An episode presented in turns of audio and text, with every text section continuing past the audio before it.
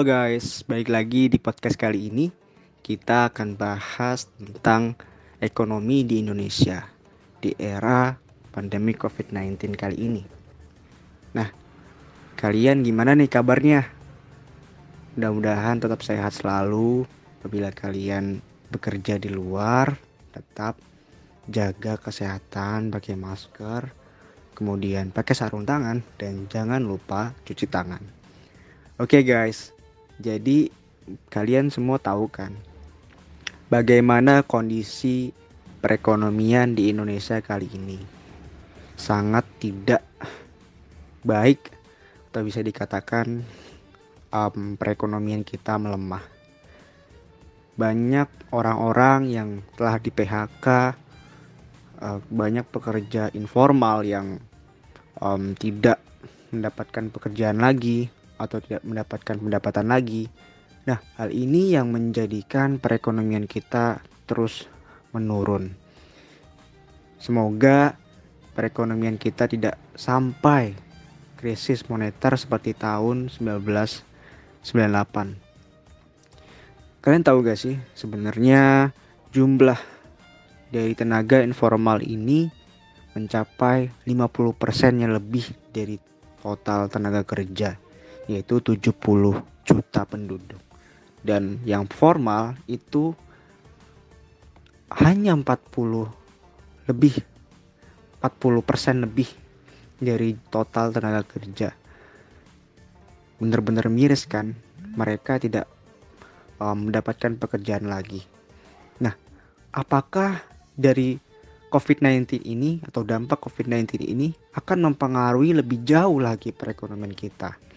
Kita juga telah melihat bahwa um, in, investasi di Indonesia cukup banyak menurun. Tapi kali ini alhamdulillahnya IHSG sudah mulai naik, kemudian nilai rupiah juga sudah mulai uh, sedikit normal. Nah, apakah ini ter tetap uh, akan uh, stabil atau akan terus menurun dengan uh, jumlah dampak dari COVID-19 ini yang meningkat. Nah, bagaimana sih sebenarnya perekonomian yang baik itu? Um, apakah kita bisa berjalan seperti ini terus menerus dengan keadaan PSBB dan lain-lain. Nah, kali ini kita akan berbincang dengan teman saya, partner saya yaitu Khairul Aziz yang mana um, dia juga punya background pendidikan yang kali ini sedang menempuh pendidikan di Universitas Negeri Semarang. Uh, program manajemen dan konsentrasinya itu finance management. Dan juga dia pernah menjadi atau sebagai mantan um, direktur Unsaf itu atau um, mungkin uh, di kampus-kampus lain uh, bisa dianggap seperti kelompok studi saham atau stock exchange gitu. Jadi mungkin kita akan bahas dari segi ekonomi dan investasinya gitu guys. Nah menurut aja sendiri gimana sih um, perkembangan dari investasi di Indonesia sendiri? Apakah um, bakal gini-gini aja atau akan terus naik atau malah bisa sampai kita mencapai krisis moneter seperti tahun 2000 eh seperti tahun maaf seperti tahun 1998 gitu. Oke, oh iya. Ngomong Mas Fajar gimana Mas Fajar? Kabarnya di Tangerang? Sehat kan ya? Eh, semoga ya. Dan juga semoga kita tetap dilindungi dari Allah SWT untuk terhindar jauh-jauh lah dari adanya COVID-19 ya.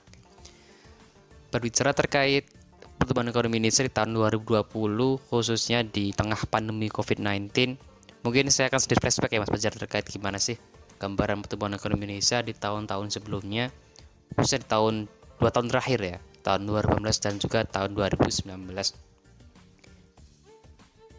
Ya, jadi pertumbuhan ekonomi Indonesia pada tahun 2018 itu mencatatkan nilai yang lebih baik daripada tahun-tahun sebelumnya khususnya dari tahun 2014 2015. Nah, jadi pertumbuhan ekonomi Indonesia itu pada tahun 2015 itu mencatatkan nilai sebesar 5,12 persen. Nah, mengapa demikian? Karena pada tahun 2018 tingkat konsumsi rumah tangga Indonesia itu meningkat signifikan ya. Dan juga didukung dengan adanya penambahan jumlah anggaran dari pemerintah. Meskipun pada tahun tersebut ada sedikit penurunan dari sektor investasi dan juga dari sektor ekspor. Nah, kemudian di tahun berikutnya, tepatnya pada tahun 2019, adanya sedikit pelambatan teman-teman. Sebesar 0,15 persen jadi 5,02 persen. Nah, mengapa demikian? Mungkin hal ini adalah hal yang wajar ya.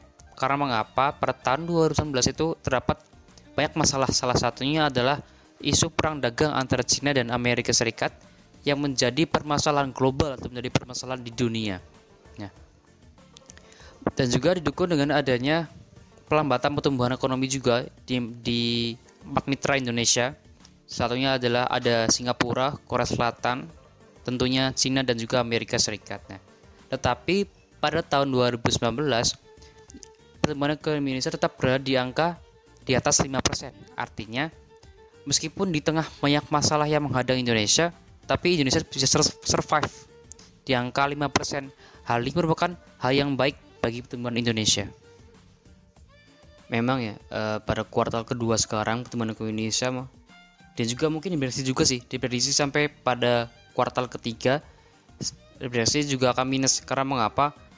Di tengah pandemi COVID-19 sekarang tuh banyak aktivitas ekonomi terganggu. Seperti halnya proses di perusahaan contoh banyak yang di PHK maupun proses produksi terhenti dan juga aktivitas masyarakat itu pun banyak yang berhenti. Sehingga mengapa aktivitas perekonomian pun tidak bisa berjalan dengan lancar sehingga pertumbuhan ekonomi Indonesia itu akan terhambat dan bahkan diprediksi di pertumbuhan ekonomi Indonesia di kuartal kedua maupun sampai pada kuartal ketiga itu bahkan minus. Dan diharapkan apabila pemerintah bisa mengelola adanya COVID-19 dengan sebaik mungkin uh, di di kuartal keempat Indonesia itu bisa recovery apabila pemerintah serius menangani COVID-19 ini. Dan bahkan dampaknya tidak hanya dirasa terhadap masyarakat dan juga dampaknya bisa terasa dalam sektor investasi di mana indeks harga saham gabungan pun terpengaruh signifikan di mana yang awalnya sekitar di harga lim, uh, harga 5.800 5.900 bahkan turun turun dia di harga 3.900 hal ini merupakan uh, sangat-sangat terpengaruh sangat signifikan gitu. Sehingga diharapkan pemerintah memang serius menangani adanya COVID-19 ini sehingga untuk ke depannya tidak bisa uh, pertumbuhan ekonomi Indonesia bisa berjalan dengan semestinya. Dan juga alhamdulillah sih alhamdulillah indeks harga saham gabungan sekarang itu sudah adanya pemulihan dan per tanggal 30 April 2020 indeks harga saham gabungan Indonesia sudah mulai membaik kembali di mana pada tanggal tersebut itu katakan kenaikan sebesar sekitar 3 persen, tiga persen lebih ya. Karena eh, aktivitas perusahaan yang khususnya perusahaan yang memang tercatat di Bursa Efek Indonesia sudah mulai optimal kembali dan juga dengan adanya daya beli dari asing asing uh, ya yang sudah mulai meningkat kembali dan mulai menanamkan dananya kembali di Indonesia dan harapannya untuk, untuk ke depannya indeks harga saham gabungan Indonesia tetap bisa recovery agar uh, perekonomian Indonesia juga kembali membaik karena salah satu mengukur pertumbuhan ekonomi suatu negara adalah bisa diukur dari sahamnya ataupun kalau di Indonesia adalah mengukur indeks harga saham gabungannya tersebut. Nah guys, very interesting banget kan guys uh, diskusi kali ini kita bahas um, secara mendalam tentang pertumbuhan ekonomi di Indonesia yang mana kali ini um, pertumbuhan Indonesia sangat dipengaruhi oleh dampak dari COVID-19 ini. Nah, tadi juga Mas Ajis udah mention tentang recovery yang akan terjadi di kuartal-kuartal berikutnya nih. Namun, um, saya melihat bahwa terjadinya dampak perekonomian kita yang menurun itu juga terjadi karena memang um, perekonomian di luar sana juga menurun. Nanti juga Mas Ajis mention tentang daya beli uh, asing itu menurunkan. Kemudian uh, eh, IHSG sudah mulai naik. Mungkin juga kepercayaan mereka terhadap Indonesia juga sudah mulai naik. Nah apakah hal ini juga akan mempengaruhi terhadap perekonomian Indonesia? Bagaimana kita melihat bahwa negara-negara besar di sana seperti Amerika terus negara-negara Europe mereka masih banyak banget jumlah penduduk um, yang terkena dampak dari COVID-19 ini? Dan apakah uh, negara kita tuh akan terus menunggu negara-negara besar itu naik baru kita bisa naik? Apakah hal itu akan terjadi Jis? Gitu. Menurut Ajis gimana? Apa kita bisa tetap bertahan sendiri dengan uh, kualitas dan rendahnya ekonomi kita yang saat ini terjadi diakibatkan oleh tenaga uh, kerja yang sudah di PHK dan lain kemudian uh, beberapa perusahaan-perusahaan mungkin sudah mulai uh, tidak bisa beroperasi lagi karena tidak mempunyai um, tenaga kerja yang dibolehkan oleh peraturan yang disebabkan juga oleh PSBB kan. Nah, gimana tuh Jis? Menurut menurut menurut kamu gimana? Apakah kita bisa berjalan dengan sendirinya dengan kita yang apa adanya kayak gini dengan um, keadaan yang seperti ini gitu menurut saya. Itu. Gimana Jis? Menurut kamu apakah kita bisa berjalan seperti ini? Uh, mungkin jadi gini Jar. Mungkin untuk kalau untuk sekarang ya yang perlu difokuskan adalah memang adalah memang recovery. Di mana recovery ini bisa tepat bisa cepat realisasi di mana kalau pemerintah memang sudah benar-benar menyiapkan berbagai planning ABCD supaya bisa menekan wabah COVID-19. Karena mengapa? Wabah ini adalah permasalahan global di mana di mana tidak tidak hanya Indonesia saja tapi global seluruh dunia. Dan perlambatan pertumbuhan ekonomi di dunia pun sama halnya seperti Indonesia. Jadi terkena dampaknya pun sama seperti Indonesia dan dan apabila ini setelah recovery dengan jumlah penduduk Indonesia yang mana kurang lebih sebanyak 250 juta jiwa, saya rasa Indonesia akan bisa melesat jauh untuk tahun-tahun berikutnya karena mengapa dengan jumlah penduduk yang relatif banyak akan menyebabkan jumlah konsumsi rumah tangga pun akan banyak pula. Sehingga ketika konsumsi rumah tangga itu e, bertambah banyak, artinya pendapatan dari suatu penduduk atau suatu negara pun meningkat pula. Sehingga nanti apa? Pertumbuhan ekonomi di Indonesia pun akan beranjak membaik pula yang diikuti dengan pertumbuhan e, dari konsumsi. Oh ya Jar, uh, mungkin sedikit cerita ya, di mana ketika kita mengukur perekonomian suatu negara itu kan bisa diukur dari cerminan ISG juga ya, atau indeks harga saham gabungan, di mana kalau kita lihat uh, indeks harga saham gabungan Indonesia itu laju pertumbuhannya itu uh, lebih baik daripada negara-negara yang lain, khususnya negara-negara yang berada di Asia Tenggara. Nah, artinya apa? Perekonomian Indonesia tuh perekonomian Indonesia pun bisa bersaing dengan negara-negara lain seperti Singapura dan juga Malaysia.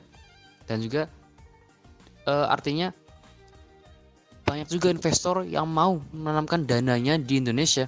Entah itu dari lokal dan juga khusus dari asing. Karena mengapa? Tentunya mereka percaya dengan perekonomian Indonesia. Sehingga pertumbuhan IHSG pun cepat pergerakannya sehingga otomatis perekonomian di Indonesia pun bisa dikatakan cukup baik karena bisa mendatangkan berbagai investor khususnya dari asing yang mau untuk menginvestkan dananya di Indonesia. Oke, okay, I see, I see. Jadi um, kemungkinan memang hal ini memang terjadi secara global, guys. Jadi kalian tidak perlu khawatir karena pemerintah sudah menyiapkan beberapa uh, beberapa planning besar untuk menyikapi terjadinya pandemi COVID-19 kali ini. Jadi kemungkinan dan mudah-mudahan kita berharap dan berdoa semoga COVID-19 ini cepat selesai dan masyarakat yang terkena imbas dari COVID-19 bisa mendapatkan pekerjaannya lagi dan COVID-19 atau pandemi ini bisa cepat menurun grafiknya agar dapat perekonomian kita itu menumbuh lagi gitu. Kalau memang hal ini bisa dapat uh, menurun maka otomatis para pekerja yang sudah di PHK kemudian mereka semua insya Allah bakal balik lagi ke perusahaan-perusahaan yang uh, ingin melaksanakan atau memproduksi uh, barang-barangnya lagi gitu guys. Jadi um, kalian tidak perlu khawatir tetaplah stay safe and stay healthy karena memang um, kejadian ini memang kejadian global ya guys. Jadi otomatis seluruh dunia terutama kita lihat negara-negara yang besar banget kayak Amerika kemudian uh, berdua di benua Eropa Inggris Spanyol Prancis Italia. Mereka terdampak lebih parah malah lebih dari Indonesia. Padahal ada 20 ribu orang yang meninggal. Itu bener-bener parah banget. Jadi semoga Indonesia bisa terus bertumbuh kembali di kuartal berikutnya karena memang itu harapan kita sih. Iya Mas Fajar, betul sekali. Jadi permasalahan itu bukan cuma permasalahan yang ada di Indonesia saja, tapi permasalahan yang memang dirasakan oleh seluruh dunia. Eropa pun merasakan pula. Amerika Serikat, Italia, Inggris, dan Cina pun ikut terasa imbasnya gitu. Sehingga pertumbuhan ekonomi yang pertumbuhan ekonomi di sana pun ikut terhambat seperti di Indonesia. Jadi ya hal ini tuh merupakan hal yang wajar memang hal yang wajar. Jadi teman-teman ya gak usah terlalu khawatir ataupun reaksi berlebihan. Dan juga sedikit saran yang wajar kalau di tengah-tengah sekarang ya kalau bisa investasi harus mulai dari sekarang ya. Apalagi tengah uh, kondisi sekarang indeks harga saham gabungan yang masih terbilang murah ya. Sekarang saham-saham murah. Inilah saat yang kali saat yang tepat untuk kalian berinvestasi Mas Fajar. Gitu. Nah, itu dia guys. Jadi sebenarnya pertumbuhan ekonomi Indonesia tuh sudah cukup baik ya guys. Jadi kita tidak perlu khawatir berlebihan karena perekonomian kita menurun gitu. Kalau kita compare dengan uh, pertumbuhan ekonomi di Asia Tenggara, mungkin memang tidak buruk banget guys jadi kita tuh sebenarnya ekonomi kita udah udah mulai kuat gitu ya kan Jis nah kalau misalkan ya tadi kan Mas Ajis sudah mention nih tentang kita harus banget berinvestasi di kala saat ini mulai dari yang kecil. Jadi um, apa sih yang membuat kita tuh harus banget buat investasi? Kenapa nggak kita ngebuka dagangan? Misalkan kita jualan baju atau kita jualan makanan atau kita buka franchise yang lebih lebih jelas gitu. Apa sih yang ngebuat kita tuh harus berinvestasi Jis? Terus juga kita kan lagi eranya pandemi covid nih. Nah apa sih yang ngebedain antara uh, kita investasi yang kemarin di saat belum? Dan kalau kita investasi sekarang pasti kan bakal itu Jis bakal menurun terus. Nah itu gimana tuh Jis kenapa kita harus investasi? Dan kenapa kita harus investasi sekarang juga? Karena emang ada COVID-19 kan gitu. Oh iya kenapa kita harus berinvestasi dari sekarang ya Jar? Oke yang pertama adalah untuk menekan inflasi Jar. Jadi inflasi itu kan bisa terjadi ketika uang yang beredar di masyarakat itu terlalu banyak. Nah Ketika kita menanamkan dana kita di investasi, atau kita menginvestasikan dana kita, otomatis uang yang berada di masyarakat itu kan otomatis terkendali, sehingga kontrol dari pemerintah terhadap lajunya inflasi pun bisa terkendali dengan baik, Jer. Itu yang pertama.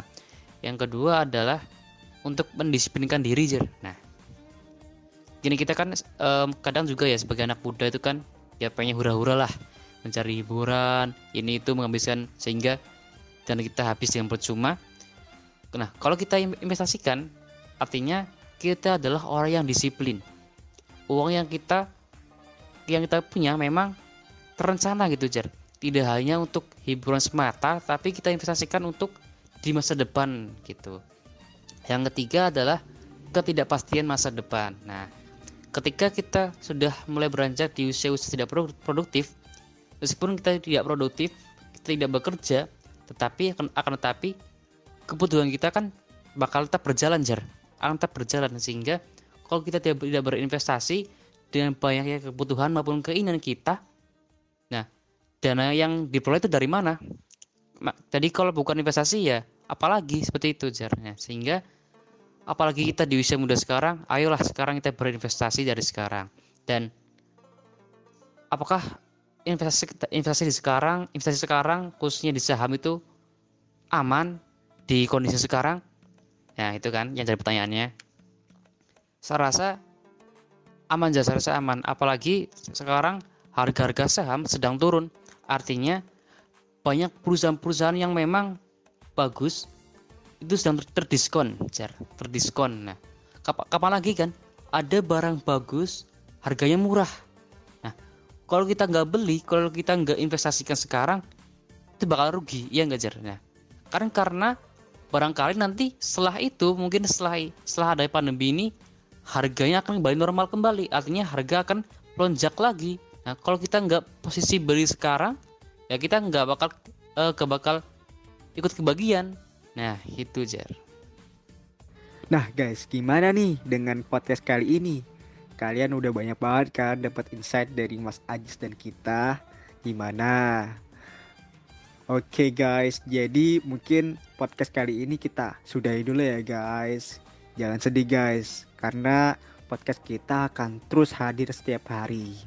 Mungkin um, saya akan membuat sebuah closing statement untuk menyimpulkan hasil dari um, perbincangan kita kali ini. Bahwasanya um, sebaiknya kita juga harus memperhatikan nih um, untuk kita sadar berinvestasi. Karena kenapa? Karena ketika kita mulai berinvestasi maka kita juga ikut andil nih untuk menekan tingkat inflasi di Indonesia itu guys nah yang kedua kita juga dapat mendisiplinkan diri nih untuk mengeluarkan uang yang dapat meningkatkan pendapatan kita. Dengan demikian, ketika kita sudah tua, ketika kita sudah mulai tidak produktif lagi, maka kita da sudah dapat nih pendapatan dari investasi kita. Gitu guys. Maka kita juga harus peduli nih guys dengan masa depan kita. Gitu. Karena kenapa? Karena di masa depan itu pasti tidak pasti guys. Ketidakpastian pasti ada di masa depan. Maka kita harus mulai menyicil berinvestasi mulai dari yang kecil dulu guys sampai sampai nanti kalian sudah siap untuk berinvestasi yang besar di masa depan nanti gitu guys nah mungkin kali ini podcast kali ini um, uh, banyak banget nih kita dapat untuk uh, kepedulian kita terhadap investasi gitu nah kemudian uh, pertanyaan saya yang tadi juga tentang apakah kita aman untuk berinvestasi kali ini Nah ternyata aman juga guys. Karena ketika saat ini uh, harga saham itu mulai menurun nih guys. Jadi apabila kita membelinya saat ini, beberapa perusahaan besar yang sudah turun harganya, mereka menjual rendah nih guys. Jadi kalau kita membeli, maka otomatis ketika pandemi sudah selesai, maka harga tetap akan naik tuh guys. Jadi kita banyak banget untung nih guys kalau kalian melihat peluangnya guys. Oke. Jadi mungkin podcast kali ini kita sudahi. Kalian bisa banget dengerin podcast kali ini uh, di di Spotify karena kita akan hadir Spotify selama bulan Ramadan. Oke guys, tetap semangat. Um, stay healthy and stay safe ya guys. Bye bye.